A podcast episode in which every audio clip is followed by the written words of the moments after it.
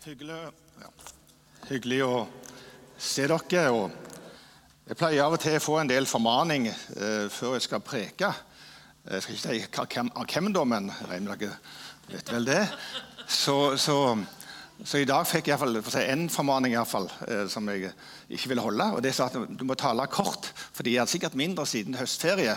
Så sier jeg det at eh, nei, da må vi tale dobbelt så lang tid, så alle får skikkelig dose.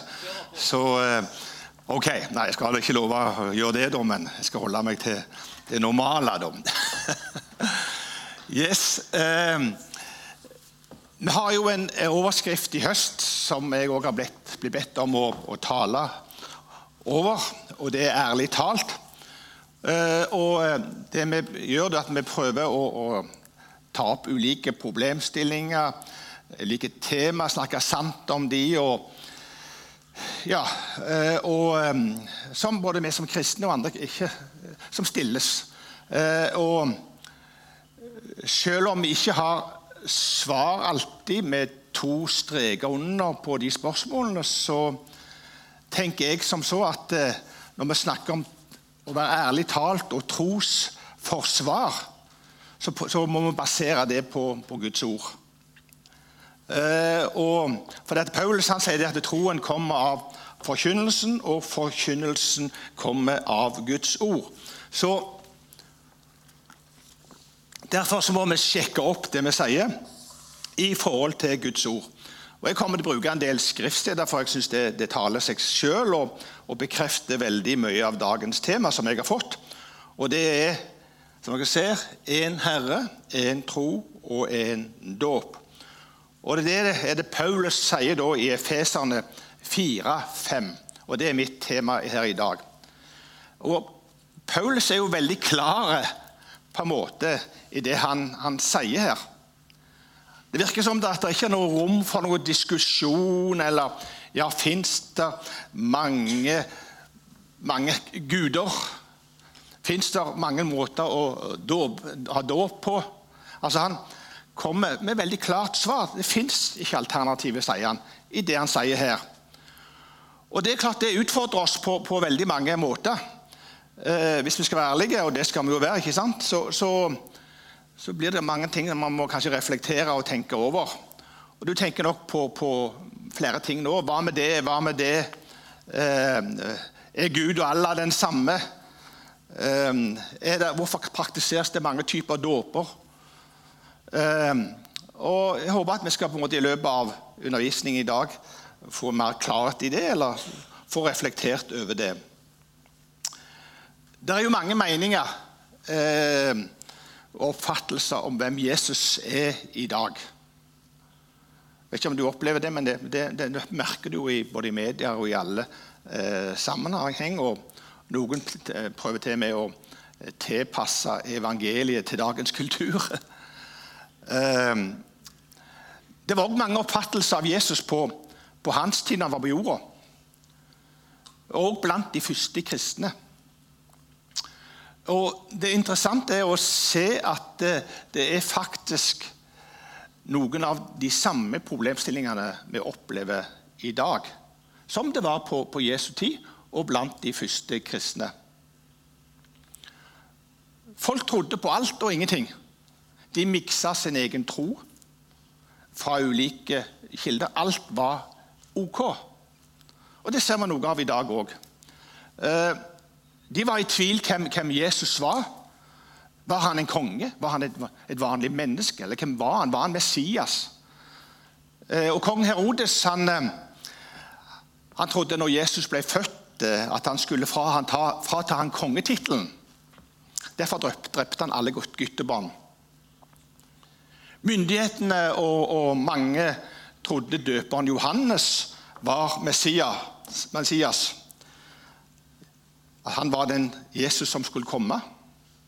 Men han fortalte jo bare om han som skulle komme. Jesus spurte òg disiplene. Jeg synes Det var et ganske merkelig spørsmål. på en måte, for dette, Jesus hadde vært sammen, og Disiplene hadde vært sammen med Jesus i, i tre år og hadde opplevd veldig mye. Men selv Jesus spurte et halvt år før han skulle forlate jorda, hvem han var. Og det som Saken er kanskje at Jesus måtte høre det fra deres egen munn. De måtte personlig svare på det. Og vi må jo òg personlig svare på dette spørsmålet. Hvem er Jesus? Dette er et kjernespørsmål. Det fins jo en åndelig verden. Det kan vi være enige om. Eh, og jeg tror det fins en åndelig lengsel i, i, alle mennesker. Og det tror jeg har noe med at vi er skapt for å ha i kontakt med Gud. Vi er skapt av Han. Så Dermed så blir det på en måte naturlig å være opptatt av det åndelige, fordi vi er skapt i Hans bilde. Og Derfor så søker mennesker på ulike måter. Og På mange måter så ser du at mange er forvirra og søker i alt mulige ting. Kanskje det kan skyldes at ikke vi har vært klare nok for, for den del. Så, men når man ser at det er en sånn åndelig lengsel som det er, så må det jo bety at det, det fins en lengsel. Det fins noe man søker. Men spørsmålet blir jo er Gud i alt det man søker. Vi leste, og Paulus var veldig klar. Én Herre, én tro. Kan da Gud på en måte være den samme for alle religioner? Kan det da være rett i, i noe av de andre religionene? Og er det bare kristen tro som, som gjelder? Vi skal se litt på, på, på, hva Bibelen sier der om det, og hva de enkelte tenker om det. Noen religioner de lærer at eh, Gud er et menneske. Andre tilber statuer og dyr. Og noen mener at Gud fins overalt. Hva er sant? Det fins utallige religioner i verden. Og Det er helt umulig å gå inn på det i dag. Jeg skal ikke ta så veldig, bare ta de viktigste litt. Hinduisten lærer at Gud fins overalt. De har tro på mange guder og gudinner. Og, og avgudsdyrkelse er utbredt i hinduismen. Hvor man tilber og henvender seg til idolstatuser for å få hjelp. Buddhismen er mer en filosofi enn en religion. og Buddhismen lærer at det ikke fins en skaper av universet. Og andre henter på en måte litt fra hinduismen og litt fra Israel, så blander det sammen og, til en egen religion. og Da har du sikhismen, blant annet. Altså, du har ulike typer varianter av dette. Så spørsmålet er er Gud og Allah den samme. Og Det diskuteres jo, og mange snakker om det, og mener, noen mener det. Og, og, det er et veldig aktuelt spørsmål i den tida vi, vi, lever i. For De sier at det, man tilber den samme Gud. Det er bare et annet ord for den samme. Men gjør vi det? Det er spørsmålet. Muslimene de, de tror ikke at at Jesus er Guds sønn. De tror han var en profet blant mange andre. Men det er det den samme Gud vi forholder oss til. Islam, for eksempel Selv om ordet islam ikke fins i Bibelen, så finner vi likevel en oversikt i Bibelen over det arabiske folk sine, sin grunnlegger, som var faktisk Abraham.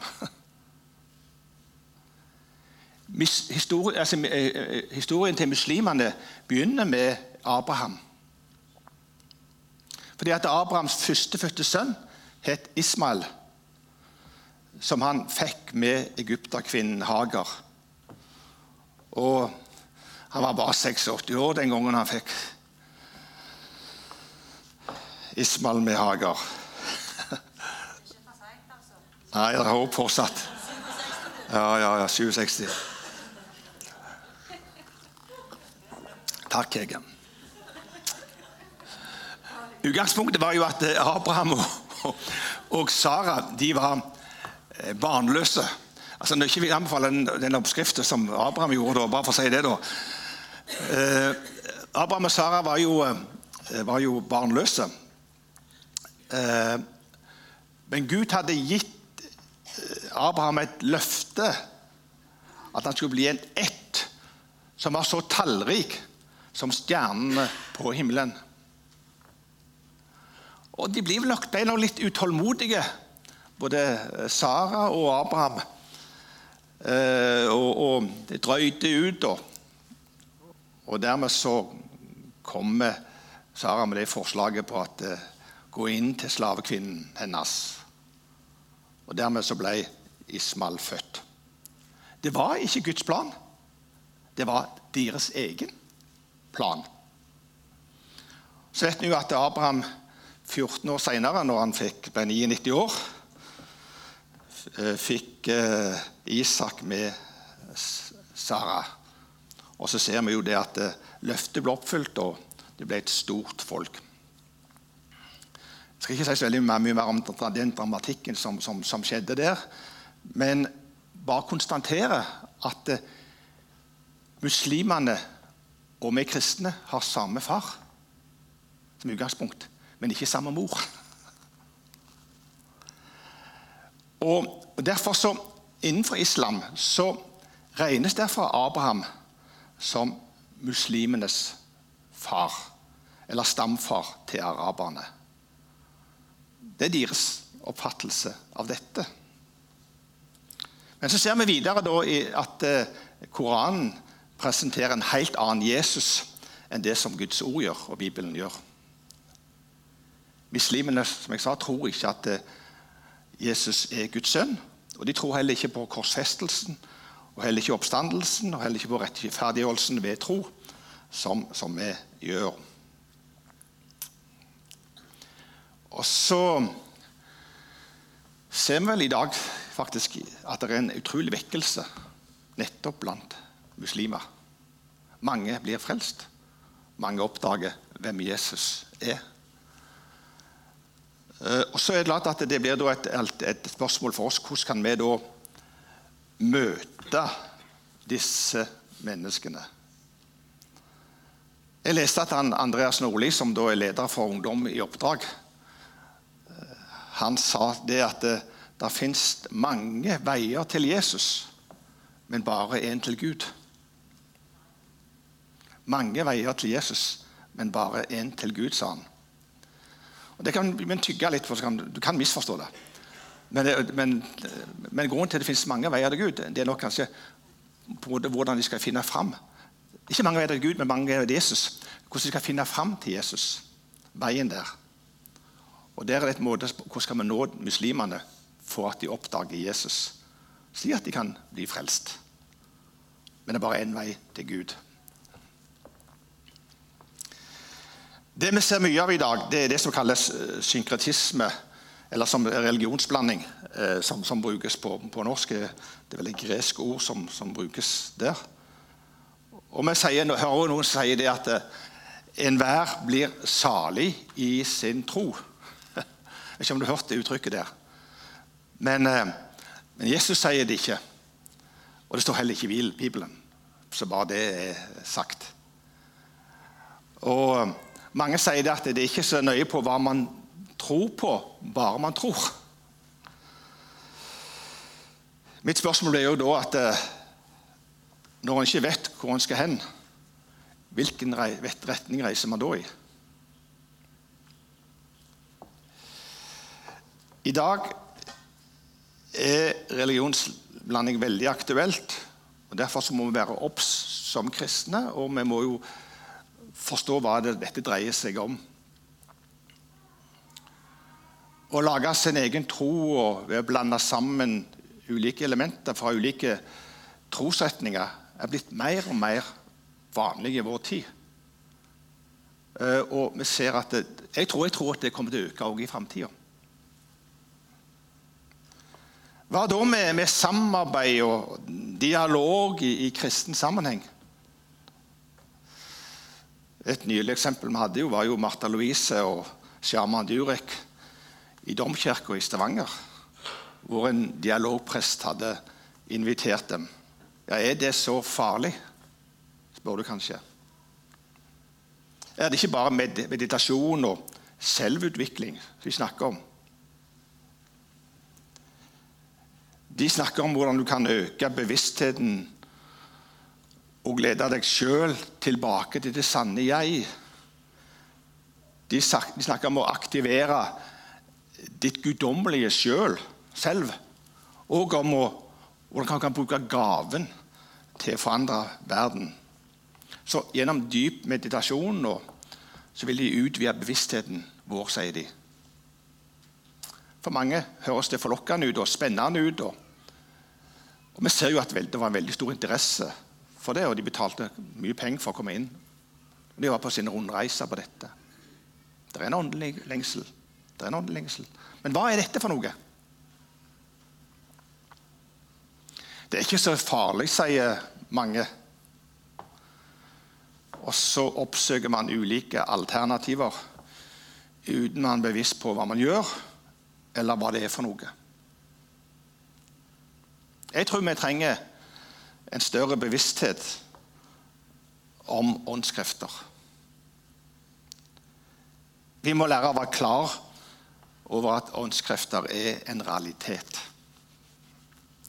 Det fins krefter i denne verden som både helbreder og gjør tegn og under som ikke er i Jesu navn. Og Det taler Bibelen om. Derfor er det viktig å være klar over det. Det er mange eksempler vi kunne gått inn på der. Så vi kan ikke kompromisse gjennom religionsblanding eller gå på akkord med det som Guds ord sier. Jesus sier 'Jeg er veien'.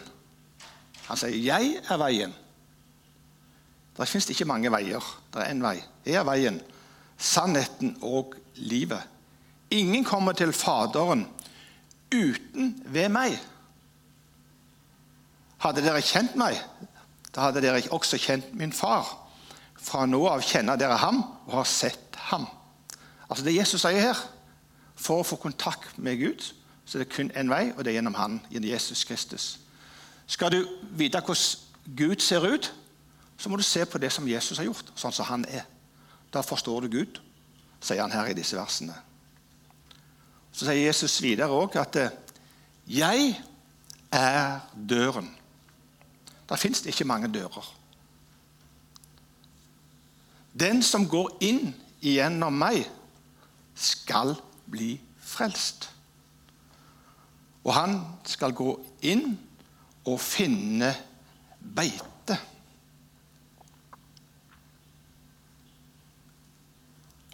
Det fins en tro. Du må tro på Jesus Kristus. For hvis du bekjenner med din munn at Jesus er Herre, og tror i ditt hjerte at Gud oppreiste ham fra de døde, skal du bli frelst. Kan det sies klarere? Det er ikke frelse i noen annen. For i hele verden er det blant mennesker ikke gitt noe annet navn som vi kan bli frelst med. Så ser vi videre her at, eh, at frelsen på en måte innebærer et personlig forhold. Og dette er det evige liv at de kjenner deg, den eneste sanne Gud, og ham du har utsendt, Jesus Kristus. Og Det er klart at det, det fins ikke noen enkle veier eller snikveier eller noen slags andre muligheter. Og, og Det virker som det er ikke noen enkel vei. Her står det 'gå inn gjennom den trange port'. For vi er den port og brer er den som fører til fortapelsen. Og mange er de som går inn gjennom den, Men trang er den port, og smal er den vei som fører til livet, og få er de som finner den. Bibelen er klar. Vi skal møte alle mennesker. Og på den veien der så kan det være ulike måter man må gjøre det på, men det er kun en vei til Gud, og det er gjennom Jesus Kristus. Og Det tror vi, og det ser vi, at mange opplever i dag. Og jeg tror nettopp det at det, det kommer så mange muslimer og andre, andre tro til, til Norge og i vår midte, det er ikke et problem, men det er en mulighet. Jeg tror skal mennesker bli frelst i, i slutten av denne tidsholdningen, så kommer de til oss for å få oppleve Jesus Kristus. Vi har sendt misjonærer ut, men nå kommer de til oss. Og Vi må formidle evangeliet og gjøre det på en god måte. En Herre, en tro, en dåp er overskriften. Og det er klart at eh, i Norge, i et lyttersk samfunn, så er ikke dette like lett alltid til å, å, formidle. Men, og det, det, jeg tror at, at det, allikevel er det nødvendig å, å, ta helheten i dette. En Herre, en tro, en dåp. Og, og, da spør jeg hvor mange typer og hvor mange forskjellige typer dåp fins det da i Bibelen? Når man snakker om en dåp. Jesus han eh, legger stor vekt på, på dåpen. Det ser vi. Og Derfor står den veldig sentralt i misjonsbefalingen. Den skulle forkynnes av disiplene og praktiseres av de, men òg av hans, deres etterfølgere, altså meg og deg. Og der står det Jesus sier til dem Gå ut i all verden og forkynn evangeliet til alle mennesker. Altså, Vi skal fortelle om han. Den som tror og blir døpt, skal bli frelst. Men den som ikke tror, skal bli fordømt. Heldigvis står det ikke at eh, den som ikke er døpt, skal bli fordømt. Det står, at det først tro, og så dåp. Så dåpen har en på en måte en veldig nær tilknytning til troen. Den som tror og blir døpt. Og da en, en, en, en stor folkemengde overga seg på pinsedagen, så kommer Peter med et klart budskap hva de skulle gjøre. Og Han sa til dem, 'Vend om og la dere døpe i Jesu Kristi navn, hver og en av dere, så dere får tilgivelse for syndene, og dere skal få Den hellige ånds gave. Hva så, spør du, med småbarn eller spedbarn? Og Det er jo mange på en måte, aktuelle spørsmål der og refleksjoner og ting som er, er, er vanskelige. Hva så med de barn som da dør før de blir døpt, når man har eh, den lutherske lære i forhold til klassiske lære i i forhold til dåp. Skal en døpe barn på foreldrenes sin frelse, sin egen tro? Hva med de som da ikke er foreldre som er ikke kristne, og døper sine barn? Det er mange spørsmål, sikkert flere også, som vi kunne tatt opp. Og Temaet heter jo 'ærlig talt', så jeg må jo prøve å være ærlig. Og hva vi som pinsebevegelse og baptistisk dåp står for. Og prøve å, å, dele det. Selv om jeg mener at det er viktig å ha respekt for at man tenker annerledes. Og man skal også føle at man kan være i denne menigheten og dele denne menigheten uten å være enige i disse spørsmålene. Så du skal bare senke skuldrene helt klart, men du skal villig vite hva vi står for. Bibelen taler tydelig om dåp. Om hvordan den praktiseres, og hvem som kan bli døpt. Og Det er veldig mange eksempler på, på konkret hvor man ble døpt, og hvor, hva som skjedde. Jeg skal ikke gå inn på så veldig mye på det. Jeg skal ta litt til slutt her. men... Og, og det er klart at Spedbarnsdåp eh, For mange er det kanskje bare en tradisjon. Andre legger mye mer ned i det. Uh, uh, og, men så langt jeg kan se, så fins det ingen skriftsteder i Bibelen som omtaler spedbarn. Altså, vi leser om at det er et par plasser at det er hele familier som ble, ble døpt. Uh, og, men, det er men, uh, men, det står ikke noe om at det var barn, men hele familier. Og vi døper jo òg barn, men da er dette de kommet til sin egen tro. Så um, det er en del som bruker de skriftstedene der, men så langt jeg kan se, så er det ikke snakk om spedbarn, men det er snakk om de kom til tro, står der, og så hele sin familie, og så ble de døpt. Så, men eh, Vi døper barn, men de må ha sin egen tro og ta sitt eget valg. Jeg vil til, tilføye at eh, selv om man er døpt som barn, så er det ikke noe galt i seg sjøl. Ehm, jeg ser det mer som en barnevelsignelse. Nå leste jeg faktisk i, i avis her i, i, forrige uke at, Eller denne uka her, faktisk det var, hvor eh, en, en eh, kirke i Norske kirke da, um, hadde begynt med barnevelsignelse. De som ønska det. Og det er interessant. Eh, eller tilbydde det hvis noen ikke ville eh, døpe sine barn. Eh, og vi vet jo òg at eh, noen eh, kirker faktisk her i, i Rogaland òg døper voksne med full neddykkelse. Statskirke. De har eget dåpsbasseng. Um, og det er noen som døper Men da har de på en måte ikke vært døpt før. Det er vel noe av det som kanskje er deres utgangspunkt for, for å døpe folk.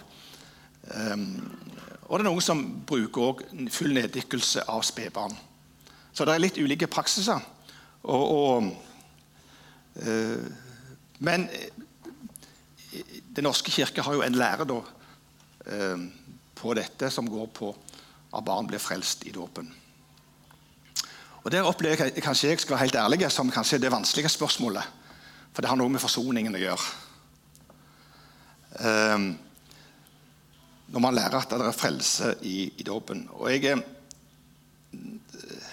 Kanskje ikke så mange som gjør det, men jeg, det kan være at det òg skaper en falsk trygghet for noen mennesker. Jeg har møtt mennesker faktisk som har, har, har hatt det som sitt utgangspunkt. Jeg er allerede frelst, jeg er allerede kristen, for de ble døpt som et barn. Og bruker det som en unnskyldning for at de ikke trenger mer. Og har heller ikke da på en måte vist at de har et gudsforhold heller i praksis. Jeg har møtt de menneskene. Og Det kan gi en falsk trygghet. Eh, men jeg vet jo det at det, er jo flere lutherske kirker som har litt annet syn på det, det som de, de sier når, når, barn blir døpt. Hva med barna? Eh, da foreldrene kom til Jesus med sine barn, så forsøkte jo på en måte disiplene og jager dem bort. Og Da sier Jesus, 'La de små barn komme til meg. Hindre dem ikke.'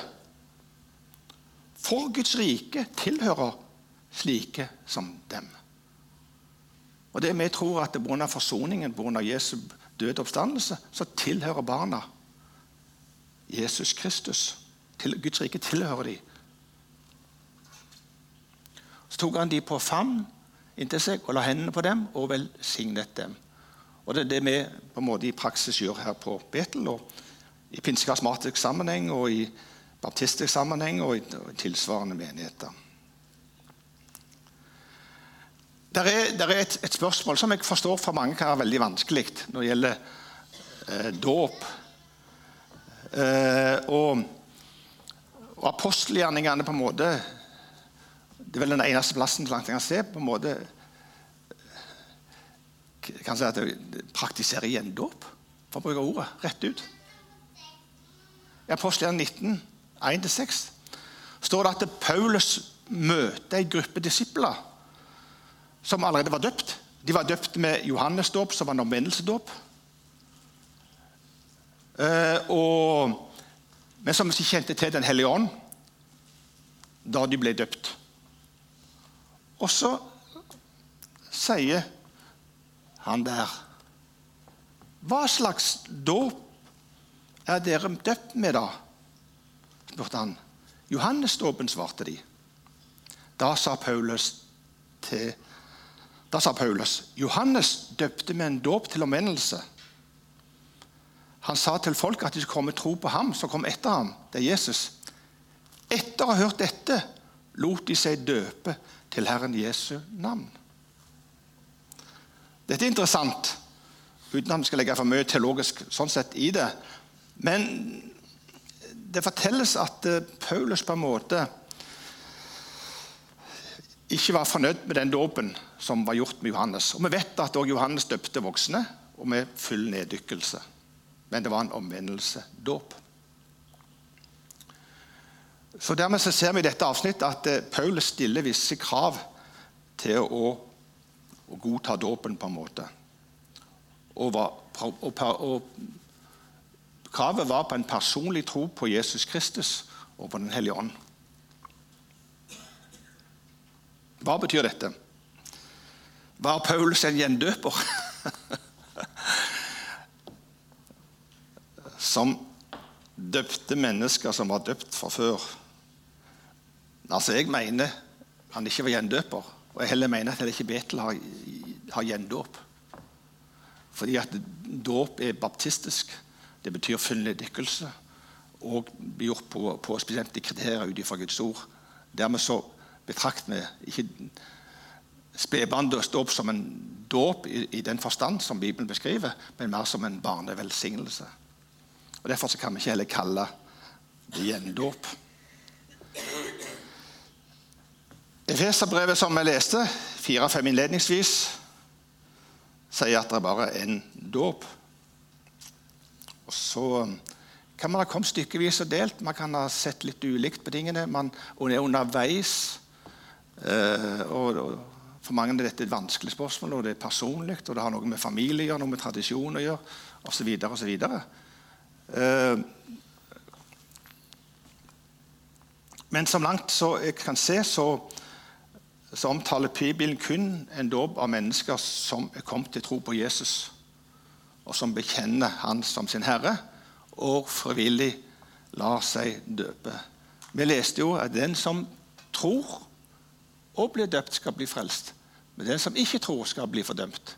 Så man blir ikke fordømt om man ikke er døpt.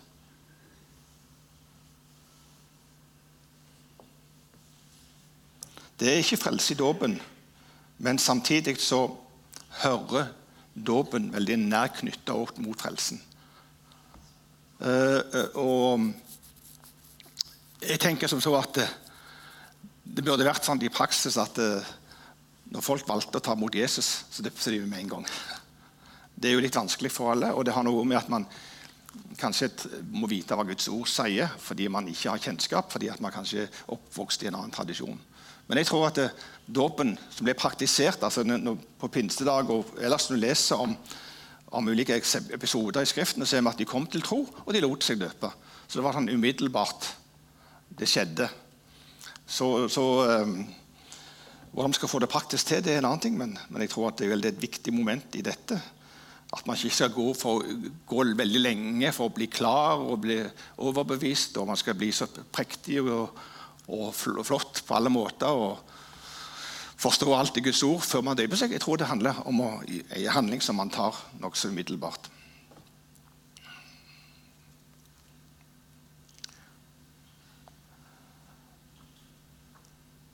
Dåpen er en god samvittighetspakt, leser vi eh, i 1. Peter 3, 2. En god samvittighetspakt med, med Gud. Og um, vi ser at eh, man blir begravet med Kristus i dåpen med full nydykkelse. Så på en måte, det som er interessant, det er, den symbolikken som ligger i dåpen, som på en måte er sammenlignes med på en måte Jesu død og oppstandelse.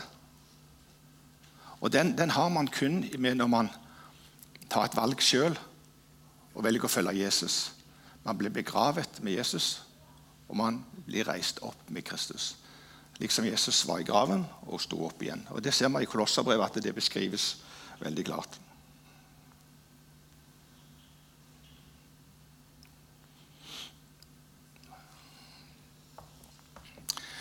Det som kanskje også har vært en, en annen eh, problemstilling i kristenheten og, og, eh, Det er vel ikke så veldig mye av det i, i Norge, selv om det fins det òg. Eh, men, men, vi har sett opp i historien at det har vært et problemstilling for noen. det er at det, I hvilket navn skal man bli døpt i? For at noen døper bare i, Jesu navn. Jeg pleier alltid å si, og det tror jeg de fleste sier på Vetel, at jeg døper det i, til Kristus i Faderens, Sønnens og Den hellige ånds navn. pleier jeg å, å bruke når jeg har dåp. Eh, det står veldig klart i Bibelen at det går derfor ut, som vi leste, og gjør alle folk til disipler i det dere døper dem. Hvilket navn? Til Faderens, Sønnen og Den hellige ånds navn altså i treenighetens navn.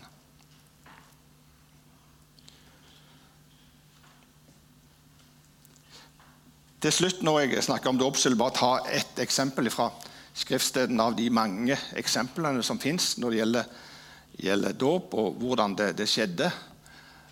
Um, og da på en måte naturlig å ta Philip og Hoffmannen. Hoffmannen han eh, var på reise, og, og, han satt og leste og forsto ikke helt hva han leste. Og Der kommer evangelisten Philip og forklarer han Skriften, og så, sier, så skjer dette da i etterkant av dette. Mens de kjørte langs veien, kom til et sted hvor det ikke var vann. Å nei, det var vann. ikke sant? Og Hoffmannen sa, 'Her er vann.' Er det noe hinder for at jeg kan bli døpt? Og Så kommer Philip med et veldig klart kontrollspørsmål.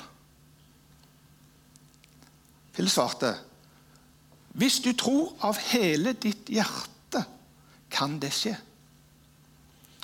Så svarer han tilbake. Da sa han, 'Jeg tror at Jesus Kristus er Guds sønn. Og Så skjer det praktiske at eh, han stanser vogna, leser vi. Og begge to steg ned i vannet. Både Philip og hoffmannen. Og Philip døpte han.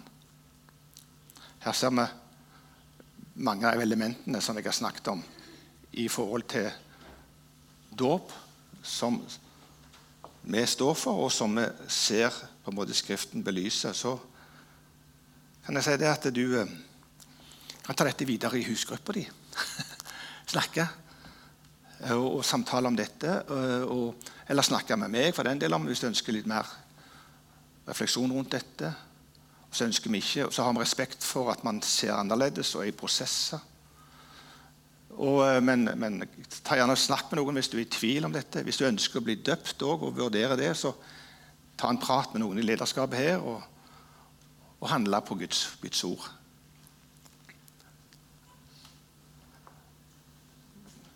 Det viktigste valget i det vi har sagt i dag, når temaet har vært én Herre, én tro, en, dåp det er at du finner Jesus Kristus.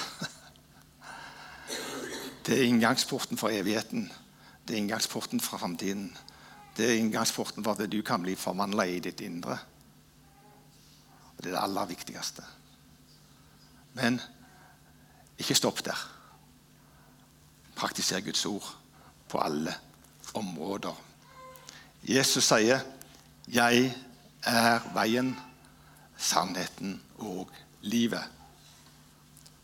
Og så han alle de som tok imot ham, de ga han rett til å bli Guds barn. Så Dermed så handler det om at eh, hvis du tar imot han, så har du rett til å bli Guds barn. Det er ikke sånn gradering eller vurdering at nå har du kommet så langt, eller ikke gjort det eller det, eller ikke døpt, eller hva det måtte være. Men alle de som tok imot ham, gav han rett til å bli Guds barn. Så Det skal du hvile i og kjenne tryggheten på. Og så skal du vandre videre i det som han har. Så skal vi reise oss og be. Så kan lovsangsteamet komme fram.